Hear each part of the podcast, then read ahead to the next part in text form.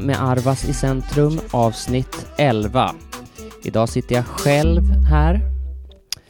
Ingen gäst denna gång och det beror inte på att någon hade ställt, har ställt in eller något liknande, utan det handlar helt enkelt om uh, ja, jag behöver inte ge något skäl.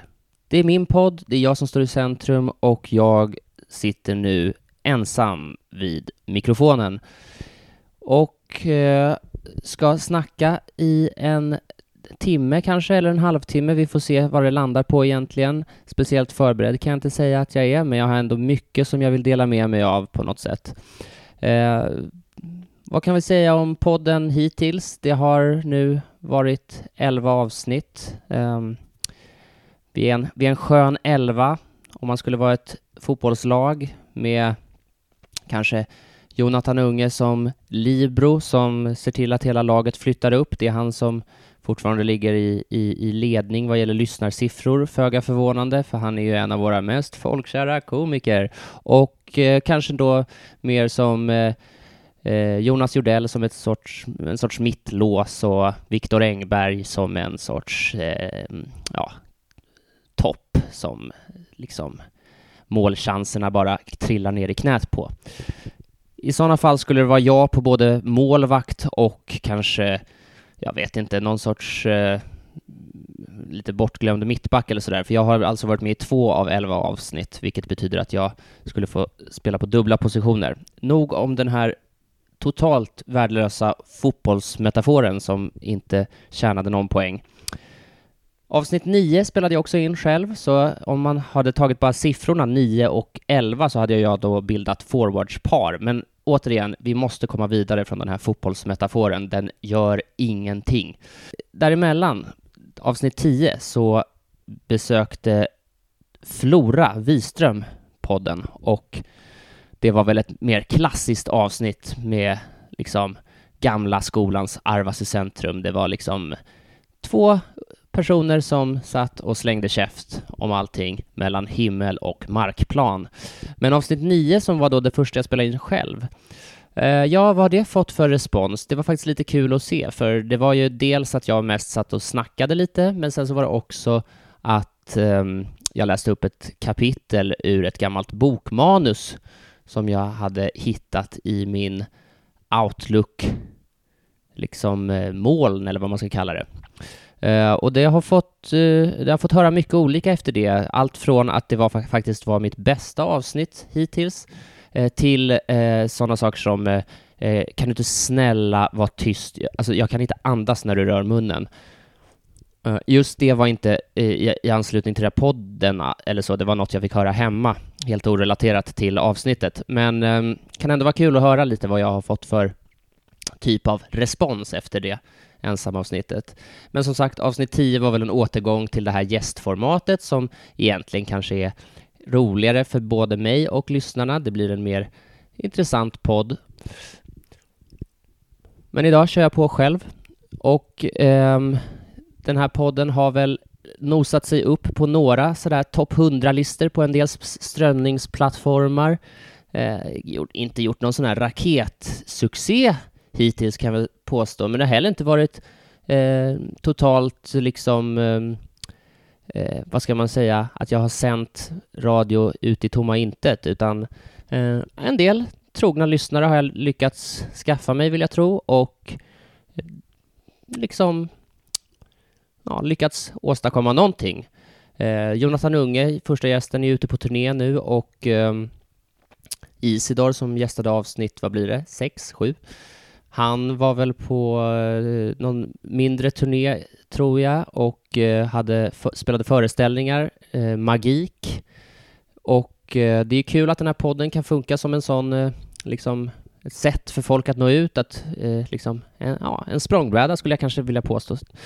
Men Arvas som står i centrum, han eh, kör på själv.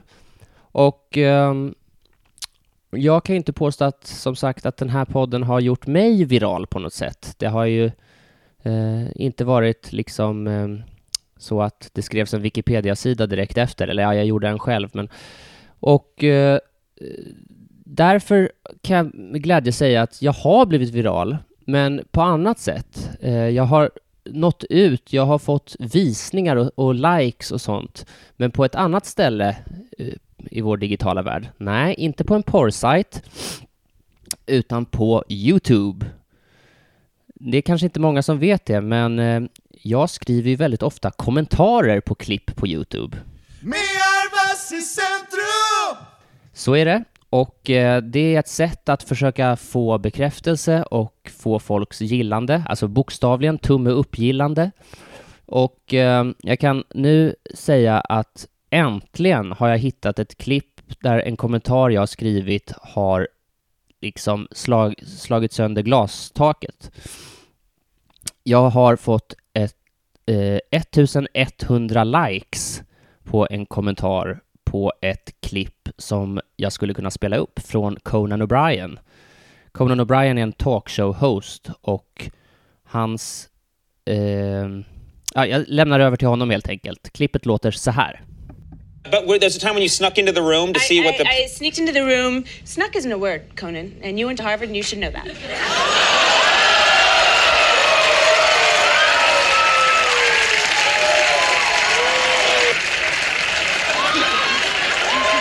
There's a. Oh, I'm sorry. Wait, there's a.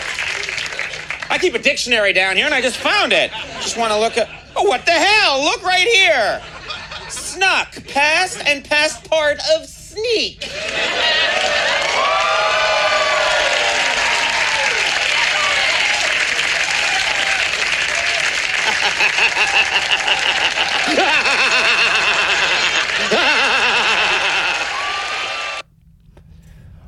Ja, och vad kan man säga om det här klippet då? Ja, det är helt enkelt så att Conan sitter och pratar med Jennifer Gardner, Garner, som är en känd skådespelare, men jag kan inte påminna mig om en enda grej hon har varit med i, men det kanske är min obildning. Men hon är ett bekant ansikte i alla fall. Hon är, eh, man, man, känner igen henne och hon är inte direkt... Eh, ja, det gör ju inte ont att vila ögonen på henne.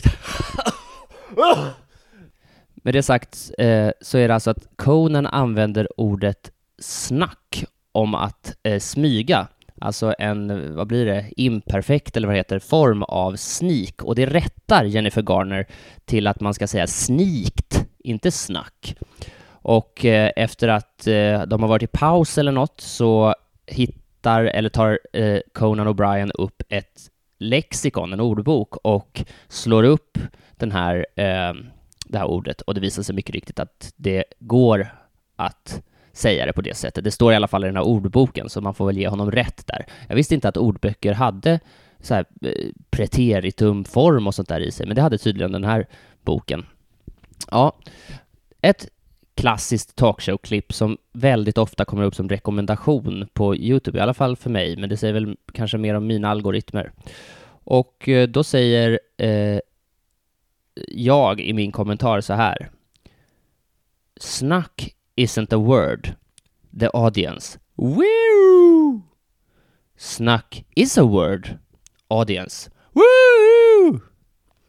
Ja, det jag försöker säga där är att eh, publiken, li lite som en vindflöjel, bara ropar och tjoar och kimmar åt eh, vad som än sägs. De ger sitt bifall åt att snacka. Inte är det ett ord, eller så är det ett ord. Vad spelar det för roll? Eh, det här har alltså gett upphov till 1100 likes och det är inte så, man styr ju inte själv över vad folk gillar. Alltså man vet ju inte vad folket vill ha och eh, är det något jag ska bli känd för som ska stå på den där berömda stenen så, nej, nah, jag vet inte riktigt. Men nu är det så här i alla fall att folket älskar det här och jag har fått en hel del svar och jag tänkte kanske gå igenom det nu, eh, de här svaren, för det bjuder på en del lustiga saker. Det kanske som slår en mest, det är att så mycket av svaren, så många av svaren är ganska allvarliga. Alltså folk eh, tar det här med YouTube-kommentarer på ganska stort allvar. Eh, så jag tänkte gå igenom dem nu. Först skriver Leo Lucas 6232 att To be fair, it probably probably wasn't the same people in the audience. I'm sure some people trusted her correction and some didn't. Så det han vill då förtydliga, eh, eller det han är inne på helt enkelt, det är att det behöver ju inte nödvändigtvis vara samma personer i publiken som eh, hurrar åt Conans rättning och som hurrar åt Jennifer Garner. Han tror att det finns en viss uppdelning där. Och det är sant, det kan man ju inte utesluta. Det kan ju vara så att, att vissa eh, tror på henne och vissa tror att hon har fel och blir glada när, när Conan får rätt. Crankinator skriver sen They are a studio audience, probably got a big sign up there that says cheer now, LOL. Ja, så han inne på en annan sak då, men han tar också publiken i försvar kan man säga. Han tänker att eh, studiopubliken helt enkelt blir tillsagda att hurra och skrika. Och så kan det ju vara om man har varit på eh, tv-inspelningar, som jag själv har varit, så vet man ju det att eh, det finns ju publik, eh, eh liksom eh, personal som har med, till ansvar att, att, eh, att säga åt publiken hur de ska bete sig, vad de ska applådera åt och liknande. Och säkert på amerikanska talkshows en stor skylt där det står eh, applause now och sånt där. Absolut, Crankinator, du, du kan vara... Det, det är inte alls ett dumt påpekande. Hamster Panster säger sen Maybe they didn't know before and changed their opinion when they were presented with facts.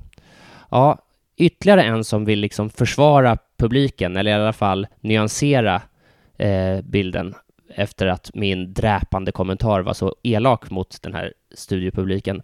Han, Hamster är alltså inne på att de först trodde att det hette Sneaked into the room, som Jennifer Garner säger, och sen därefter blir, ja, på något sätt eh, så byter de åsikt i och med att eh, ordboken säger att det går att säga snack och då blir de så glada av att ha bytt åsikt att de måste hurra och ropa då. Så att eh, det är ju ett tredje sätt att se på saken. Sen kommer Thi, Le, eh, Thi Leo Draco och han är mer inne på min lite liksom taskiga eh, linje. Han säger “Yeah, it's 'cause sheep” Alltså inte att de är billiga, utan att de är får. De är liksom dumma får som bara följer det herden, alltså Jennifer Garner och sen Conan säger. Ja, lite väl elakt om du frågar mig, men så har han också bara fått sju likes på sin kommentar, på min kommentar, som alltså har fått 1100 likes. Så ja, det kanske är som det ska. Theo Leocandro som säger att de är får, han slutar inte där. Han går på den här Hamster Panzer som säger att eh, de kanske bytte bytte åsikt efter att de var presented with facts. Han går på Hamster Panzer med följande kommentar. You can't have an opinion without facts. I'll give you an example. Hamster Panzer, uh, your opinion on double radio waves associated with an active galactic nuclei... Frågetecken, det är en fråga. Don't cheat and look it up. Tell me your opinion. Ja, här menar jag att Theo Leocandro eh, alltså, går för långt, eller åtminstone så, eh, alltså, ja, stäng ner datorn och ta en promenad runt lägenheten. Jag vet inte riktigt vad det här ska vara liksom, bra för. Det är Eh, liksom svårt, menar han, att ha en eh, åsikt helt frikopplat från, från fakta. Ja, jo, visst, så kan det väl vara. Sen går han på honom lite mer. What's wrong dude? No opinion? Yeah, that's what I thought. Och sen så säger en eh, tredje snubbe som går in i den här liksom subtråden av den här kommentaren till, eh, ja, vem är det han svarar egentligen? Nu, nu, allting blir, nej, nej, förlåt. Han, en, en ki annan kille svarar den första kommentaren, alltså to be fair, it probably wasn't the same people in the audience. Han som var inne på att vissa trodde på Jennifer Garner och vissa trodde på Conan. Han får senare ett svar där det står Tore Tor Ekman 8899 or more, more likely they're just sheep. That's what what's wrong with our future to be fair, bla bla. Ja, han tycker också att de är en skock får. Så det, det, finns, eh, det finns liksom en sorts eh, rättvis uppdelning här i kommentarsfältet. Och en, ytterligare en kille säger all set up people. Ja, de är liksom, eh, de är inte fria, de, de, de är set up. Hur ska man översätta det? Jag vet inte riktigt, men Sen är det någon som tar in en sorts mittenposition här, eh, som varken, eh, liksom, ja, som väl på visst sätt tar publiken i försvar, men som också vill bara ge en, liksom, en, en, en, en ja, en, en mittenväg helt enkelt. Viktor Volobulov, eh, 507, skriver What do they care? they get to see some real live drama between two TV personalities. Och så en skrattemoji på det. Ja, han menar då att det är två tv-personligheter och eh, en stor portion real live dr drama. Att Jennifer Garner tror jag mer är en filmpersonlighet och det är Conan som är den riktiga tv-mannen. Men visst, drama kan man inte ta ifrån honom att det här är 100 procent. Sen blir det lite mer akademiskt. Det här är sista kommentaren. Eh, Ditsy Gypsy skriver, och det här är ett långt citat, men det är en lång kommentar. Snack is, is newer and not as widely accepted to use, but it's been a word that can be used since the 1800s. Sneaked is the preferred form, and it has been around for hundreds of years. Jennifer isn't completely wrong because it's just clumsy sounding and it's always better to use the more preferred and widely accepted form. I think maybe Americans use it more frequently and more so in casual conversations and writings. Sounds kind of dumb to me, like drug does, as in I drug him all the way up the stairs. Och sen har hon också lagt på en skrattemoji. Ja, I drug him all the way up the stairs. Där ska det alltså mena hon var I dragged him all the way up the stairs. Ja, där kommer vi in på lite gram grammatiska liksom, eh, diskussioner. Och eh, jag tycker vi lämnar Youtube där. Men eh, har man lust att utmana mig på att få flest likes på um, Youtube så är det bara att ge dig in i ringen. 1100 ligger jag på med den här ja, ikoniska kommentaren. Vad har hänt sen sist mer då? Jag har eh, varit utomlands, jag har rest till Prag på en romantisk weekend och eh, hur mycket ska jag berätta från den resan? Ja, Prag är en trevlig stad, rätt så liten får man känslan av och vi bodde på ett mycket lit, eh, trevligt, kan man säga, traditionellt hotell. Eh, hotell Esplanad eh, som var liksom eh, mycket sådär rustikt om man kan säga så. Det kanske bara går att använda kring restauranger och sånt, men alltså jag, eh, var, möblerna kändes tunga. Det kändes som man, man kommer aldrig kunna flytta det där hotellet för att det var så jädra tunga teakmöbler. Sängen kändes som den vägde ett ton bara den för att den hade så här sängram i liksom massiv, ja, jag vet inte vilket träslag, men tungt som satan var det i alla fall på det otroligt tunga skrivbordet eh, så låg det lite så här brevpapper och sånt där. Tycker jag är trevligt. Det finns något eh, vackert och liksom eh, ja, man får liksom en känsla av historiens eh, vingar som slår ner sina brevpapper där. Alltså det, det var, man fick lust att sätta sig och författa ett brev till en liksom försvunnen fru eller något sånt där. Eh, jag har ingen sån, så jag satte mig ner och ritade en hängagubbe. Men eh, det det stod också på ett papper eh, som låg på skrivbordet var en liten presentation av hotellet. Och där stod det att... Ehm, ja, vad stod det nu igen?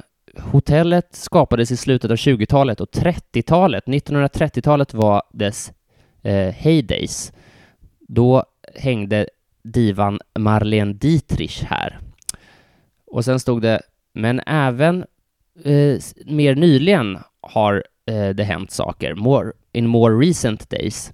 Milos Forman var här och eh, eh bodde på hotellet i samband med inspelningen av Amadeus. Och eh, jag gjorde en snabb googling, för tack vare EU har man free roaming i hela jag tror jag hade eh, wifi. Men och då så stod det att Amadeus kom ut 1984. Så sen Milos Forman eh, bingade på Hotell Esplanad 1984 ett par nätter så tror jag kanske inte har hänt jättemycket. Så visst, det kanske illustrerar lite vad det är för typ av hotell och att det var en smula bedagat. Men med det sagt så var det väldigt, väldigt trevligt där. Och en sak jag vill komma in på då, det är det här med frukosten. Vi åt frukost på hotellet, vad blir det, två dagar. Och eh, jag har varit inne på det här tidigare i podden, nämligen i första avsnittet av podden. Det får man hemskt gärna gå tillbaka och lyssna på, eller om man inte har lyssnat på det, gör det för första gången. Eh, där var jag och Jonathan eh, inne på ämnet. Vi snackade om hotellfrukostar en liten stund och eh, hur det kan vara ganska tufft. Det kan liksom eh, finnas mycket förväntan när man bor på hotell och när man sitter där nere i, i den här matsalen så känns det kanske inte så bra. Man hade hoppats att det skulle bli så bra. Men det behöver inte bli så. Det kan bli bra. Hotellfrukostar är lite vad man gör dem till, men det är svårt. Och jag vill inte hävda att jag är någon expert på något sätt. Men jag försökte i alla fall sätta mig nu under den andra frukosten, eller efteråt, och tänka efter lite vad som gör en hotellfrukost lyckad och inte. Och nu menar jag inte från hotellets sida. Det de ska göra är ju erbjuda en så god och varierad morgonmåltid som möjligt. Men jag menar snarare med från ens egen perspektiv. Som boende på hotellet. Hur ska man tänka? Och därför har jag sammanställt en lista med tio tips på hur man gör en hotellfrukost trevligare och lite mer behaglig. Är ni beredda? 1. Ge personalen ett trevligt bemötande. Man ska helt enkelt ge tillbaka, för personalen kommer alltid vara trevlig och serviceinriktad och ibland lite i överkant. Så var det den här gången, att man kände att eh, servicen slog över i eh, att bli en smula liksom, påfrestande nästan. Nej, det ska jag inte säga. Jag, jag tyckte den låg på rätt sida eh, av, av, av, den. Men eh, det är så att många går ner i den där frukosten, de lommar ner i sin, liksom med sina grusiga ögon och eh, eh sovkläder och liksom tar med sig ett dåligt morgonhumör och, och är lite nervösa eh, på något sätt eh, och, och, och, känner varför är jag här bland alla de här främmande människorna och, och ska eh, smälla i mig en frukost? Och då börjar de agera otrevligt mot, mot i synnerhet personalen mannen i receptionen säger eh, eh, eh, ”What room number?” och de bara ”No thanks, no”.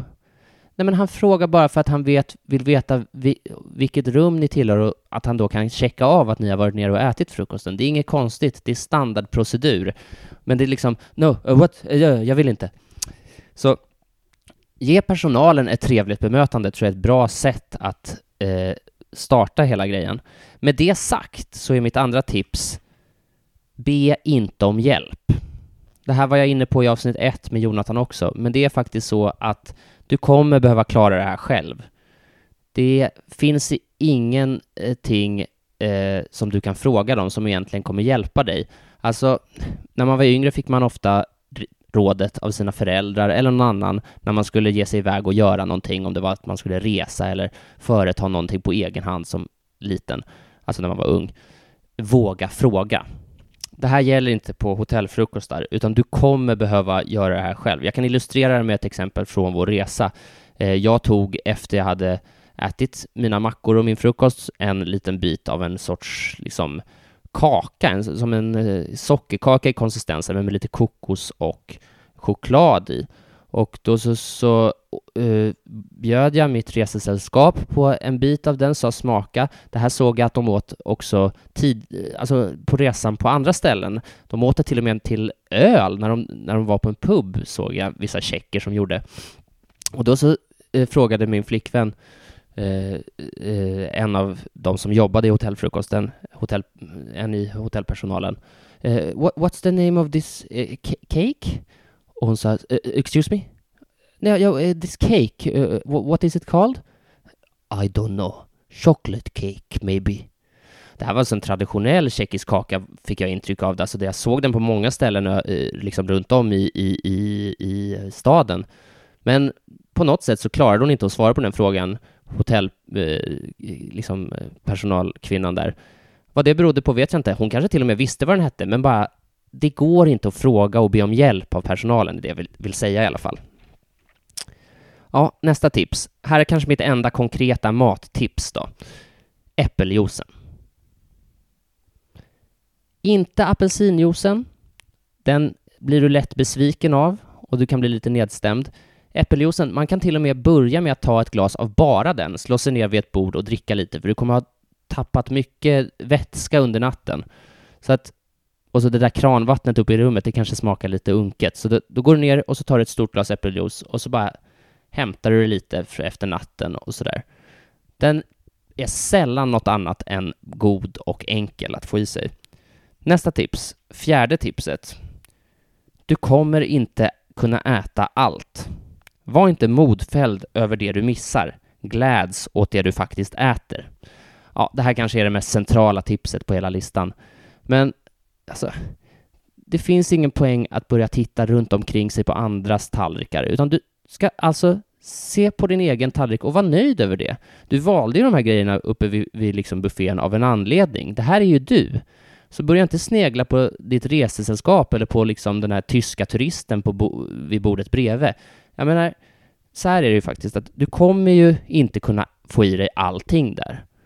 Och om du liksom blir för liksom avundsjuk på andra, då, då kommer du behöva bli desperat, börja ta allt. Och det leder till sin tur till att du sitter med en tallrik med fullt med halvätna grejer som inte gör dig glad, inte gör personalen glad och de barn som lever i länder drabbade av hungersnöd kommer inte heller bli speciellt glada när de ser vad du lämnar där. Så bara skippa det där. Och det blir dessutom för konstigt på tallriken. Alltså, du, du, du käkar ett kokt ägg. Du valde det. Ja, men stå för det valet då. Så om din liksom, eh, kompis som du har valt att åka på den här konstiga resan med tar en äggröra, nej men håll dig till ditt kokta ägg, för det finns inget som går sämre med kokt ägg än äggröra. Du ska inte sitta där med två sorters ägg på tallriken. Så bara var nöjd över det du har. Tips fyra anknyter lite till det förra. Det låter så här. Tävla inte om att ha den flippigaste grejen. Låt en person spela Allan. Ja, det här är väl inte alla sorters resor, men det kan ju lätt bli så att man går ner på frukosten och så blir det lite fnissig stämning. Vad det beror på vet jag inte, men man kanske liksom sitter och har det lite kul kring bordet och så ska någon ta någon sorts bönor som ser lite konstiga ut eller någon skum typ av fisk som ingen riktigt vet vad den gör på frukostbuffén.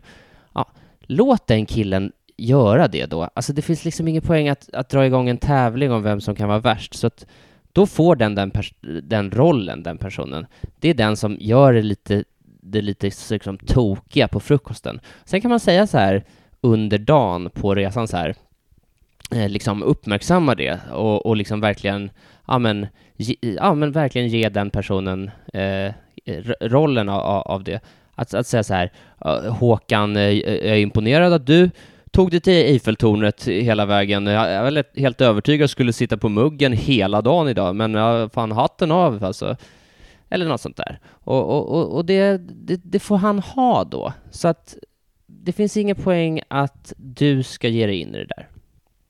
Okej, femte tipset. Ta med något att läsa. Det är ju så här, ni kommer vara med varandra jättemycket under dagen, så det finns liksom ingen poäng att eh, ja, ta slut på det sociala liksom, batteri som du ska liksom, ha under hela dagen. Så ta med en bok, ta med en tidning, gå till receptionen och låna någon jävla broschyr eller något. Du kan ju sitta och läsa lite grann, bara bläddra i någonting. För du kommer få tid att prata med dem du ska vara med under dagen. Vad blir det nu?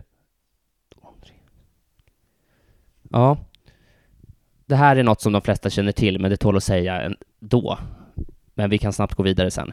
Frukosttallriken ska inte ut på sociala medier.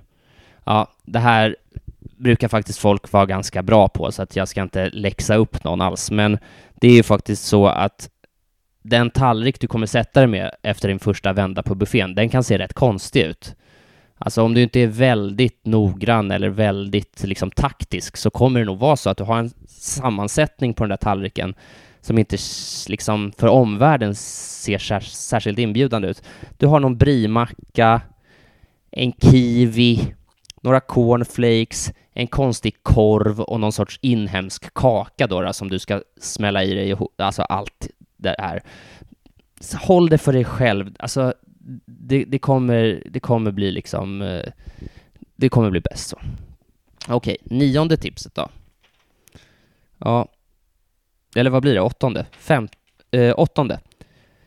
Det här var något som jag och mitt resesällskap inte höll med varandra om, men jag behöll tipset på listan ändå. Och det är, man får byta plats. Så är det faktiskt att det är in, inte så att personalen har reserverat ett bord åt just dig, i alla fall inte på de ställen jag har varit. Och kommer du in fel i frukosten, känns det liksom lite off från början, ta din tallrik, din kopp kaffe och din eventuella lektyr, dra till ett annat bord. Se om du får bättre vibe där. För att det gör inget om du började lite dåligt. Jag kan, det går att rätta till det. Jag gjorde till och med så att jag, jag satte mig och åt och sen så fyllde jag på min kaffe, tog med mig något lite sött och så satte jag mig i en fåtölj längst bort i rummet och bara tog det lite lugnt där. Som sagt, mitt resesällskap tyckte inte alls att det här stämde, men jag vill då hävda att man har ju inte nota på bordet, va? Det är därför du inte byter, eh, byter på en restaurang när du, när du är på krogen. då har du en bo, nota knuten till det bordet. Så ska du byta, byta bord då, då blir det en del administrerande. Men det slipper du på en hotellfrukost. Ja, nåja. Nionde tipset. Det här är nog det som kommer väcka mest ont blod hos vissa av mina lyssnare. Det här kan sticka lite, men jag tror att det behöver sägas ändå. Jag ska bara ta en klunk av mitt vatten.